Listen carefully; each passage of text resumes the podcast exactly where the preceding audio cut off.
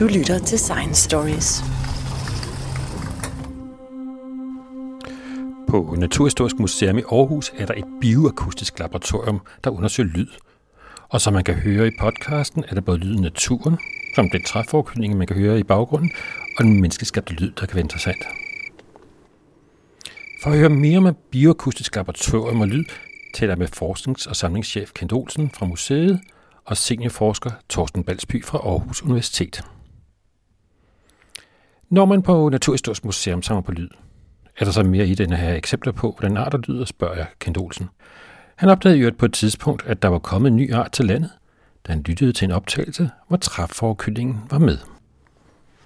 Ja, man kan sige, at det kan også bruges til at dokumentere, hvad det er, man lytter til. Ikke? Men vi bruger det øh, også her på museet ved, at vi opbygger en referencesamling, som gør, at vi kan kigge på variation i tid og rum. Så ved at optage udvalgte arter igennem mange år, jamen så er det, at man kan se, om noget ændrer sig.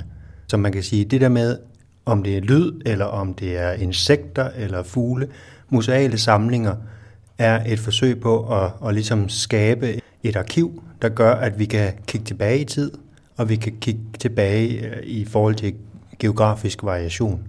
Vi kan bruge DNA ud fra pattedyrskin, fugleskin osv. Vi kan bruge lyd til at kigge på variation i insekters sang, fugles sang. Nu siger du i tid. Hvordan øh, skal lyd ændre sig i tid? Lyd i sig selv ændrer sig ikke i tid, men dyr, som vi opvarer lyd fra, de lever jo i et landskab, som ændrer sig over tid. Og det gør, at dyr de ændrer deres lyd i relation til det her landskab. Det er i hvert fald noget, vi også arbejder med her på museet og kan kigge på. Men som jeg også startede med at sige, så bruger vi også lyd som dokumentation. Der er forskellige arter, som kan identificeres, artsbestemmes på baggrund af deres lyd. Og på den måde får vi også punkter på et kort til, at vi kan lave udbredelse. Jeg sidder også og arbejder meget med ulv til hverdag, og der bruger vi også lyd, lydoptagelser af ulv til ligesom at validere øh, udbredelse af ulv i Danmark. Det vil sige, hvis man hører en øh, lyd, så kan du gå ind og sige, at det her er en ulv, eller er det en rev, eller er det en hund? Hvis optagelsen er tilstrækkeligt god, det er virkelig svært at skelne en ulv fra en hund, der står i en hundekendel ude i en skov. Men som udgangspunkt, så kan man bruge lyd til at foretage en artsbestemmelse, eller blive gjort opmærksom på, at måske er der ulv i det her område.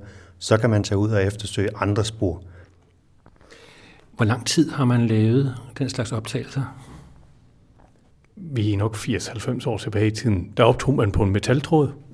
Jeg har ikke det præcise årstal på, hvornår man begyndte på det. Her på museet, sådan rigtigt at man begyndte i starten af 50'erne med at opbygge den bioakustiske samling. Det startede egentlig med, at man havde en bevilling, og så blev der fra Paul Bundsens side, Paul Bundsen var faktisk ikke ansat til at skulle kigge på fuglesang. Han havde en doktorgrad i snegle, men han var også interesseret i fugle og i musik. Og så fik han simpelthen den idé, at han ville gerne optage øh, fuglestemmer, og han ville gerne analysere dem. Og nu er det sådan, så fugle, de har en meget hurtigere tidsopfattelse, end vi har.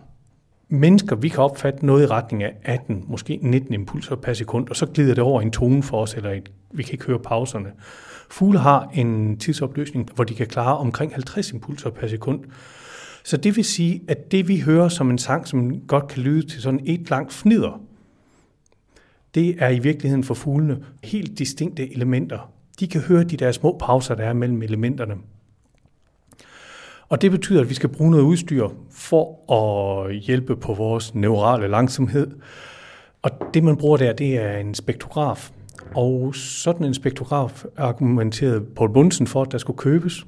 Man havde en bevilling, og han fik det igennem. Og det betød, at Bioakustisk Laboratorium her i Aarhus, det blev simpelthen en international eller en europæisk velkendt enhed, for der var ikke rigtig andre, der havde den der maskine, som var sådan en spektrograf. Den kunne brænde på sådan noget, en slags ekolodspapir. Det dufter helt forfærdeligt, når man laver det.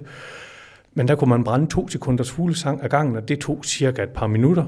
Så at komme igennem en lang optagelse, det var sådan noget, der tog dagevis.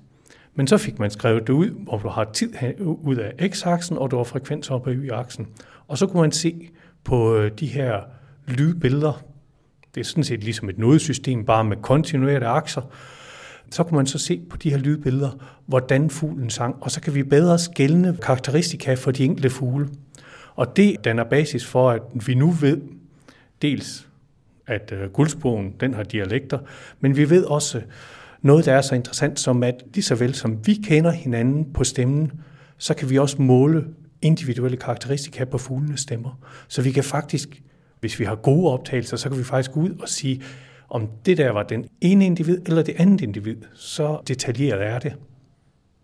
I 50'erne arbejdede Dr. Bundesen, så han glemte alt om sine snegle, og så begyndte han at optage fuglestemmer, og det blev ret omfattende, og der kom rigtig mange forskere for at bruge den her maskine.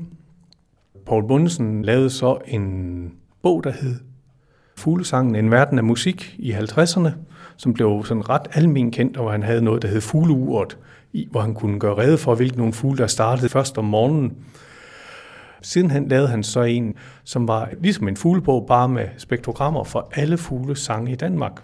I løbet af 50'erne tog han faktisk til Amerika, til øh, den nuværende største lydsamling, der findes. Den ligger på Macaulay Library på Cornell University. Og derover der lavede han så spektrogrammer af næsten samtlige nordamerikanske fuglestemmer, og udgav også en bog med dem. Og det er simpelthen fordi, at hvis du kan læse de der spektrogrammer, og det er der, kan de fleste måske ikke helt, fordi det er lidt svært, men man kan få en fornemmelse af, hvordan fuglen synger, hvis man ser på de der spektrogrammer. Så kan det faktisk virke lidt ligesom en måde at lære stemmerne på. Det kan også måske bruges som en field guide, fordi du kan i hvert fald diskriminere, om det er en højfrekvent eller en lavfrekvent, om der er mange elementer i den, altså om det er en trille, eller om det er en, der mest består af lange toner, eller der er nogle spændende harmonier i den, eller sådan noget. Men i dag, der er det computer, der klarer det meste. Ja, siden midt 90'erne har alt den der digitale lydprocessering, den er foregået via computer. Og så sidder vi og spiller vores analoge optagelser ind, eller vores digitale optagelser ind i computeren, og så kan vi så analysere dem der. Og det gør selvfølgelig, at analysen den er væsentligt nemmere nu, end øh, den var i 60'erne. Og der er så også nogle andre muligheder for nogle statistiske bearbejdninger. Ja, altså det ligger jo i sagens natur, at vi får et større datamateriale, og det giver nogle helt andre statistiske muligheder. Samtidig så er der jo også sket det, at i og med, at du kan hive en lille computer med ud i skoven, eller i mosen, så kan du jo sådan set tage lyden med ud, og så kan du spille den tilbage til fuglene. Og øh, hvis man virkelig vil vide, hvad det, som fuglen den synger, det betyder, så er du nødt til ligesom at spørge den. For vi kan have alle mulige hypoteser om, hvad det her det betyder, og hvilken sammenhæng det er afgivet i. Men hvis ikke vi spørger fuglen, så kan vi faktisk ikke validere det. Men det kan man gøre i et playback-eksperiment, hvor man tager sin computer med ud, sammen med en højtaler og en forstærker, og så kan man spille det for fuglen, og så kan du spille forskellige variationer. Og den slags variationer kan man meget nemmere lave på øh, computer, og man kan styre det fra computeren. Og det, der faktisk er det allerbedste at gøre, det er, at man ikke laver sit playbackbånd hjemmefra, men man planlægger nogenlunde, hvad man skal spille, men så spiller man det, det der hedder interaktivt. Og det betyder, at man svarer, når fuglen har svaret, eller også så svarer man efter et eller andet fastlagt mønster, så man ligesom indretter sig på fuglen. Man siger ikke bare, nu spiller vi sang A, sang B, sang C, sang A, sang B, sang C, som man gjorde i de der loop playbacks, men at vi spiller afhængig af, hvad fuglen svarer. Så kan man spille det efter et bestemt mønster og så kan man stadigvæk teste sin hypotese. Men det, at du spiller det interaktivt, hvor du styrer det fra computeren, hvornår der spilles, det gør, at du får nogle meget stærkere responser fra fuglene, fordi det virker meget mere naturtro, det du spiller. Og hvad er det så, du får svar på? Jeg får svar på, hvad betyder det her for fuglene? Hvilken funktion har sangen eller, eller kaldet for fuglen, og hvordan responderer den på det? Det vi så også kan kigge på, det er, at vi kan faktisk kigge på evolutionen. Fordi når vi kigger på funktionaliteten, så kan vi godt opdigt alle mulige forklaringer om, hvorfor det kunne være en god idé at synge sådan her. Men det er så her, hvor en museal samling kommer ind, at det er ikke gjort ret meget. Men hvis vi kigger i museumsamlingerne, så har vi de gamle optagelser, og de fungerer sådan set som en referencesamling, og så kan vi se, hvad der så er sket nu i forhold til tidligere. Så vi kan sådan set et eller andet sted, så er det et, vindue til evolutionen, eller til en selektionsproces. Hvor hurtigt foregår det, når vi snakker lyd? Vi ved det faktisk ikke helt. Vores guldsprogeundersøgelser, som, hvor vi har sammenlignet Paul Hansens, som var den følgende museumsinspektør i Bioakustisk Laboratorium, Paul Bundesens efterfølger. Når vi ser på Paul Hansens gamle optagelser fra 778 og sammenligner dem med recente optagelser, så kan vi se, at allerede i 77-78, der responderer fuglene faktisk på afstand til vejen på baggrundsstøjen. Og den der baggrundsstøj, og vi har haft en stigende baggrundsstøj i samfundet i og med, at trafikken er steget, så sker der det, at, at den generelle frekvens af starten af sangen, den stiger en lille smule nu i forhold til tidligere, altså i forhold til 77-78. Men effekten af afstand til vejen, den, den er faktisk den samme. Det er nok væsentligt at snakke om, om mejser. Altså, at man kan sige, der, der er også lavet studier på mejser, der kigger på det her, ikke? hvor man siger, at der er i hvert fald indikation på evolution, at, at det går relativt hurtigt over, over nogle relativt få generationer. Men det er så mejser, der lever i bysamfund, hvor den der menneskeskabte støj har udviklet sig langt hurtigere og mere radikalt, end man har set ude i det åbne land. Det vi har kigget på med guldsbuerne, det er ude i, i det åbne kulturland. Der er baggrundsstøjen, den er steget på grund af lastbiltrafik osv. osv., men den er ikke steget relativt lige så meget som i de helt bynære samfund. Det, der er lidt specielt ved jeres undersøgelser, det er så også, at I har set noget ud på landet, og ikke bare i byer, som meget af forskningen har foregået med? Ja, man kan sige, at vi har haft den der unikke situation, at, at der hvor vi har arbejdet med guldsbo, øh, blandt andet inde i Midtjylland, jamen der har vi faktisk et landskab, der mere eller mindre er identisk med derfor godt og vel 30 år siden. Så øh, det der med, at rammerne er de samme, der er ikke lavet nye veje, det er de samme veje. Så det vi kan måle på, det er effekten af den her øgede trafik, effekten af den her øgede menneskeskabte støj, hvor det er den eneste variabel, der ligesom ændrer sig over tid. Der var menneskeskabt støj. Så det er ret unikt. Og det materiale har vi ikke rigtigt på fuglen øh, inde i byerne. Det kan godt være, at der er andre museer, der har det, men det er jeg simpelthen ikke bekendt med. Så den her lange tidsserie, altså plus 30 år, det er ret unikt, at vi har det på, på eksempelvis Guldsburg. Mejsestudierne, det, det er nogle kortere generationer, man ligesom går tilbage, og det er også derfor, vi snakker meget om, jamen, hvad er det, der kunne være interessant at optage nu og bygge et arkiv op på, så vi har en baseline, så vi igen, når vi øh, får rigtig meget tid, efter vi er færdige på arbejdsmarkedet, kan kigge ned i igen. Hvad er det, vi ligesom kan spille bold op af? Der er forskellige slags menneskeskabt lyd. Ja, der er trafik på vejene, der er lyde fra industri. Der er jo industri, der flytter ud og etablerer sig nærmest uden for byzonerne. Så ja, der er et lydgalleri, der ændrer sig radikalt, og det er naturen nødsaget til at respondere i forhold til. Og det er så det, som, som Thorsten nævnte før, jamen så synger de med en højere frekvens for at overdøve øh, den her baggrundsstøj, der er fra menneskeskabte lyde. At synge med højere frekvens gør, at lyden ikke kommer så langt. Så det her med at opretholde sit territorie, hæve sit territorie, tiltrække, det, det er jo ligesom lidt teorien, at, at, at det kan være forklaringen på, at der er sådan en evolutionær respons, at når man øger frekvensen, så kan man have et mindre territorie, eller man kan gøre mindre opmærksom på sig selv, end hvis man sang med den lavere frekvens, som man sang med for 30 år siden. Vil det sige, at guldspuren de har mindre territorium i dag end for 30 år siden? Det kunne vi nok godt arbejde med, at kortlægge territoriers størrelser, men det har vi simpelthen ikke noget evidens for. Det vi har prøvet at kigge på, det er, om der er en evolutionær respons, om den her hældning, som, som Torsten talte om før, det her med, at når man sidder tæt på vejen, så skal man synge med en højere frekvens, end hvis man sidder 100 meter eller 500 meter væk fra vejen. Jo længere væk fra vejen, jo lavere frekvens kan man synge med.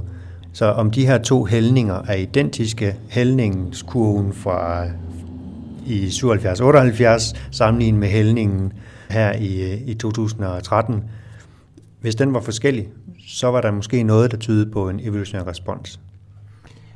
Og når du snakker om højere frekvens, så er det, fordi menneskeskabt støj i høj grad er lavfrekvent. Det er rigtigt, ja. ja. Og bare det, at, at der er støj, altså ligesom hvis du tager til en koncert for at overdøve, eller tale med en person ved siden af, jamen så taler man lige, lige lidt højere. Ikke kun i volumen. Hvad er så årsagen til, at man synger med højere frekvens? Der er to hypoteser, og de har været hæftigt debatteret, hvad årsagen var. Det ene, det er øh, den, vi kalder Lombard-effekten, som siger, at vi råber lidt højere, hvis vi har meget baggrundsstøj. Og biproduktet er så, at vores frekvens bliver lidt højere. Den anden idé, det er, at vi aktivt forsøger at undgå de frekvensbånd, hvor der er støj i, fordi hvis du synger eller får signalet i et andet frekvensbånd, end der, hvor støjen er, så kan du bedre detektere det. Og øh, det har været de to hypoteser, der har kæmpet rigtig meget om, øh, hvem der har fået ret. Der er ikke sådan endelig afklaring på det, men der er, der er en del, der hælder til den der Lombard effekt lige nu. Men der er ikke ret meget evidens for, at vi faktisk kan måle et øget lydtryk på fuglene, der synger i støjende miljøer. Vi har en undersøgelse liggende, som vi skal have lavet, der kan dokumentere, om de gør det eller ej. Men det I gør så, det er både at undersøge, hvor kraftigt de synger, og så også hvilken frekvens de synger i. Ja, det er korrekt. Den undersøgelse, vi er så godt som færdige med, den dokumenterer, at guldsbo tæt på vejen synger med en højere frekvens end dem længere væk fra vejen. Og det sjove var, at hældningen var den samme i de tidlige optagelser, som var i de senere optagelser. Så det, der var er rigtig bemærkelsesværdigt i undersøgelsen, det er, at det her det er altså små landeveje. Det er veje, hvor der måske kører omkring 500 biler om dagen, hvis det går højt. Og der responderer guldsbogen faktisk rigtig kraftigt. Og det gør det så hele tiden, og ikke bare, når der kommer en bil forbi. Præcis. Vi kan jo ikke optage dem, når der kommer en bil forbi, så kan vi ikke måle på optagelsen. Så vi måler på de optagelser, hvor den sidder uforstyrret og synger, og der er de faktisk højere frekvens. Hvordan finder man ud af, om det er den ene eller den anden, som øh, skal være gældende? Åh, oh, det er et godt spørgsmål. Det er måske også derfor, at der er nogle forskergrupper i Europa, der har skændtes rigtig meget om den ene. Man har været rimelig hård i begge lejre. Men det var så det faktisk det, som kendte mig, vi forsøgte at, at negle ved den anden undersøgelse, fordi der gik vi ud, og så havde vi koblet vores optagelse med en øh, kalibreret mikrofon, så vi faktisk kunne måle lydtrykket på fuglen. Og hvis vi kan det, så kan vi måle baggrundsstøjen op til den begynder at synge, og vi kan måle lydtrykket på fuglen på det tidspunkt, hvor den synger. Så vi kan faktisk se, om altså nu kommer en lastbil forbi på vejen, den larmer rimelig meget, så kan vi så se, om den synger med et andet lydtryk, umiddelbart bagefter synger den med en anden frekvens, og så kan vi tage den igen bare et minut eller to senere, om den så ligesom er faldet ned i et mere normalt frekvensleje. Hvorfor er det egentlig, at guldsporen er så interessant? Altså guldsporen er jo interessant, fordi at alle studierne, da vi gik i gang, der var alle studierne, det var sådan noget by og land. Man sammenligner musvitter på landet med dem i byparkerne, man sammenlignede solsorter mellem by og land. Og man var faktisk så langt frem, som man sagde, at de synger simpelthen så forskellige i byerne i forhold til på landet, så det ender jo med, at vi får udviklet to forskellige arter, der ikke kan snakke sammen. Den teori har man nu rimelig meget forladt. Så vi har set effekten af den menneskeskabte støj i øh, urbane miljøer, men vi har ikke set effekten, hvad den egentlig var ude i det frie åbne landskab, og det er derfor, at det her Uguldsborg-studie er så interessant. Det er så også sådan lidt, fordi der foreligger optagelser, altså en referenceoptagelse, og det er jo af helt andre grunde. Det er jo fordi, at Paul Hansen, der var museumsinspektør her på museet, han fandt ud af, at øh, Guldsbogen har dialekter, han lavede faktisk et stort citizen science studium, hvor han fik opfordret Danmarks befolkning til at gå ud og optage Guldsbo i deres lokalområde og sende ham optagelserne. Han havde fine instruktioner til folk om, hvordan de med en billig mikrofon og en paraply sådan set kunne gå ud og skabe deres egen parabol og få nogle rimelige optagelser ud af de lokale guldsboge. Og på basis af det der store citizen science arbejde, kunne han som den første i Europa faktisk kortlægge guldsbogens dialekt mønstre her i Danmark.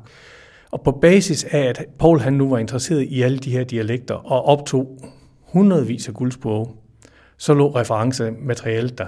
Men i og for sig, så kunne det lige så vel have været solsort, eller rørsanger, eller tornirsk. Det kunne have været hvilken som helst anden fugl af spurvefuglene. Guldsporen er sådan set ikke specielt ideelt til at se i forhold til menneskestøj, fordi guldsporen ligger relativt højfrekvent. I og for sig ville det være meget bedre at kigge på solsort, fordi den er mere lavfrekvent, så den overlapper mere med den menneskeskabte støj. Der vil vi måske se en endnu stærkere effekt af den menneskeskabte støj, end, end vi kunne se på guldsporen. Men alene det, at vi ser på en art, der fra starten af faktisk er relativt vel adskilt fra de frekvensspektre, hvor, hvor den største del af den menneskeskabte støj er, Og vi stadigvæk ser en effekt af det. Det betyder jo sådan set bare, at den der menneskeskabte støj, den betyder faktisk rigtig meget for fuglene. Man kan sige i forhold til guldsburg, det er jo en meget, meget øh, konsistent sang. Godt nok er der noget dialekt, men, men den er ret konsistent, og den improviserer ikke. Der er en lang række andre spurvefugle, der gør, og for at lave de her systematiske studier, så er det selvfølgelig relevant at have en art, hvor der ikke er improvisation i. Solsorte, de har en basissang, men de øh, improviserer og inspireres også af deres lokalmiljø. De synger med alle mulige øh, mobiltelefonlyde osv., og det gør, at det er svært at gå ind og arbejde med. Og der er guldsbogen. Den, den er rigtig, rigtig god på den måde. Hvis vi snakker om naturbevarelse, har bioakustikken så også noget at byde på der? Ja, man kan sige, øh, noget vi også snakker om at kunne kigge på, det er det her med, der er arter, der er i tilbagegang. Hvad får det af betydning for deres valg af sang, deres variation i sang? Og der fortalte Thorsten mig her tidligere, at jo mere kompleks og jo større variation der er i en sang, at det sådan, kan man nogenlunde aflede som en proxy for, hvor sund en bestand er, genetisk variation osv. Så, så hvis der er rigtig meget variation, der falder bort, jamen så har man også mindre plasticitet at arbejde med, og måske også mindre tilpasningsevne til, at landskabet ændrer sig. Vi kan lige, måske lige frem have mistet noget. Ja, Altså bioakustikken, det er sådan set et ekstra lag oven på øh, biodiversiteten. Så det er jo ikke bare et spørgsmål om, at arten er til stede. Det er jo også et spørgsmål om, at sangen er jo faktisk et udtryk for den arts kultur. Så det er jo sådan set et kulturelt tab, vi oplever, hvis en art går kraftigt tilbage, og vi ender med kun at have nogle få sangtyper tilbage. Om guldspor ved vi jo, at øh, den sidste atlas-undersøgelse indikerer, at øh, to tredjedele af guldsporene er forsvundet fra det danske landskab siden de første atlasundersøgelser. Så det er en art, der, selvom den er super almindelig stadigvæk, så er den bare gået rigtig meget tilbage. Og det kunne være spændende at se, hvad det rent faktisk gør for det sangudbud, der er, og den dialektstruktur, der blev fundet dengang. Spurfugle lærer typisk deres sange som små. En del arter, de lærer ikke ret meget efter dag 200 i deres liv så kan de ikke lære flere sange. Så er der nogle andre spurfugle, de kan lære hele livet. Det er dem, vi kalder open-ended learners, men der er en del, der er close-ended learners, og det er blandt andet guldsbogen og bogfinken. Og de her close-ended learners, de lærer så noget i deres første leveår, og derefter kan de ikke lære noget. Men det, som nogle af de her værlinger gør, det er, at de lærer flere sange, så slår de sig ned i et område, og så hører de, hvad bliver sunget her, og så synger de den dialekt, der bliver sunget i lokalområdet, men de skal jo vide, hvad dialekt det er, der skal synges i området, for at de øh, finder den rette dialekt. Så det kan være, at vi kan miste vores dialektstruktur. Men guldsprogen er super interessant med hensyn til geografisk variation, fordi den har en, en dialektstruktur, og den ligger i slutningen af sangen. Man siger populært, at den tæller til syv. I nogle områder siger den si, syv, og andre steder der går den bare syv, og så er der en masse variation over det der tema, men det er det, vi kalder dialektelementet i guldsprogen. Men den har også et startelement, som er sådan en øh, øh, repetition af et enkelt eller et dobbelt element. Og det er det, vi kalder A-delen af den sang. Og der er væsentligt mere variation i den. Men det sjove er, at de indledningselementer, der er, de har en helt anden geografisk udbredelse og nogle andre grænser, end det som øh, dialekten, altså som slutelementet i dialekten. Så det er ligesom, at den ene del af sangen bestemmes af noget på en måde, og den anden del af sangen bestemmes af noget andet. Og dialekten bestemmes måske af, hvor den ender med at sætte sig, men det andet er måske bestemt på forhånd. Det ved vi faktisk ikke en dyt om.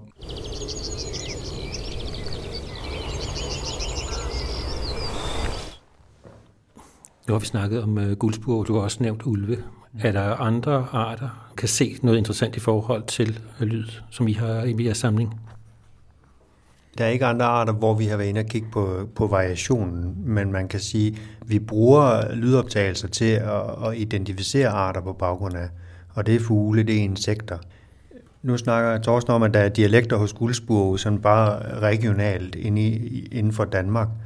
Men hvis vi kigger på arter, med, der har stor udbredelse, så er der også ret stor variation sådan i grundsang inden for et, et meget stort udbredelsesområde, så man kan bruge sangen til at identificere, jamen, hvor kommer den her fugl fra. Eksempel det er gærsanger. Der bruger vi deres kald varierer, alt afhængig af om de kommer fra Europa, eller om de kommer fra Sydøstasien, eller om de kommer fra Sibirien. Der kan vi simpelthen bruge optagelser og kald til at identificere, når okay, hvilken delbestand er det, vi har med at gøre her. Om det så bliver ved med at være delbestanden, det er meget dynamisk, hvordan man betragter det her, om det her er raser, altså geografisk distinkte former, eller om det er selvstændige arter. Men vi bruger det simpelthen til at identificere på baggrund af, og det, i princippet kan vi også gøre det med insekter. Der er en art som syngende markgræshop. Den har en relativt stor udbredelse i Danmark. Ole Fogh Nielsen, som har optaget rigtig mange græshopper og gået og lyttet rigtig meget til græshopper, han bemærkede, at nogle af dyrene, der sidder ude langs Vesterhavet, de sang anderledes, end hvis man kom, kom lidt mere ind i landet. Øh, og nu har han så øh, på baggrund af det indsamlet nogle dyr, og faktisk beskrevet, at den her vestjyske form, som lever i de yderste klitter, det er faktisk en selvstændig art. Til at starte med har det jo bare været en geografisk variation, hvor der har været en eller anden fordel i at synge lidt anderledes, fordi det, man kan sige, det kan være en økotype, at sangen tilpasses det landskabsstruktur, man nu lever i. Ikke? Så man kan sige, når man kigger på dyret, så kan man ikke se forskel. Men på baggrund af sangen kan man se forskel. Hvis man så kigger ned i dybere, zoomer ind og bruger DNA, så vil man potentielt også kunne, kunne se forskel. Når vi nu snakker evolution, så er der jo noget, der er meget sjovt, og det er at de her evolutionære ændringer, hvor man snakker om, at fysiologiske ændringer, det går jo relativt langsomt, fordi det skal indlejres via generne. Men når vi snakker om noget, der skal indlæres, så kan det sprede sig langt hurtigere. Der snakker vi om kulturel evolution, og der er fuglesang, det er sådan et eksempel på kulturel evolution, hvor en ændring potentielt kan gå igennem en population vældig, vældig hurtigt. Vi har ikke eksempler på det, men det er jo sådan noget, hvor det er rigtig fedt, at vi faktisk har en referencesamling, så vi vil kunne dokumentere, hvis der er sket et eller andet. Nu har vi hørt, at øh, fuglene kan tilpasse sig til det, men er menneskeskabt lyd et problem for dyr? Det er i hvert fald nogle dyr, der, der ikke er i stand til at overdøve den menneskeskabte lyd, når den bliver særlig omfattende. Men om det er et problem, det kan få dem til at ændre udbredelse. Det, det er der ingen tvivl om. Det kan påvirke bestandsstørrelser. Så selvfølgelig er det et problem, men naturen er meget tilpasningsdygtig. Hvor det ligesom fører hen, det, det, er, det er et rent gæt. Vi ved faktisk ikke terrestriske dyr, hvor meget de påvirker det. Vi ved, at i vandet, der skyller der jo døde valer op, når de udsættes for kraftigt lydtryk. De kan dø af det, fordi lydtryk slår lidt hårdere i vand, om man så må sige. Vi ved faktisk ikke, hvad der sker i terrestriske miljøer. Der er nogle få undersøgelser, der viser, at nærhed til veje giver lavere reproduktiv succes, og i modsætning til havmiljøet, så mangler vi simpelthen hen, øh, stribevis af døde fugle, der ligger sig, når de udsættes for stort lydtryk. Altså det, at vi ser, at de ændrer deres sang som respons på den menneskeskabte støj, er der en kraftig indikation på, at det her er virkelig noget, der betyder noget for dem. Men som Kent siger, det er også et udtryk for, at de er enormt tilpasningsdygtige.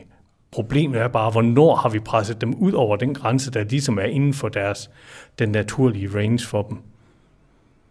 Min umiddelbare vurdering er, at når vi, når vi er på land, så er det tilgængelighed og mangel på levesteder, der er den alt overskyggende trussel mod vores biodiversitet, mere end det er menneskeskabt støj. Det er simpelthen mangel på levesteder. Det går igen på tværs af alle taxa, altså artsgrupper. Man kan jo også sige, at menneskeskabt støj faktisk burde være en del af levestedsvurderingen. Altså lige så vel som den er, den er en integreret del af den marine habitatbedømmelse, og det burde den måske også være på det terrestriske plan, fordi det påvirker altså dyrene på en eller anden måde. Når man vurderer, hvordan har den danske natur det, og hvad er det, som man som dansker kan komme ud og se af natur, så ser man mest på, hvad der er dyr, hvad er det, man kan se af forskellige arter, hvad kan man se af træer osv. Men det er ikke så meget, man snakker om, hvilken lyd der er derude. Støjfri zoner har ikke fået ret meget bevågenhed i de terrestriske habitater endnu, men det kunne den godt være, at den får på et tidspunkt, også fordi at den danske befolkning faktisk godt kan mærke, at det at komme ud i naturen, hvor der er helt støjfrit, helt frit for motorstøj og anden menneskeskabt støj, det er faktisk enormt dejligt for systemet. Der er vel også undersøgelser, der har påvist, at det reelt er stressreducerende.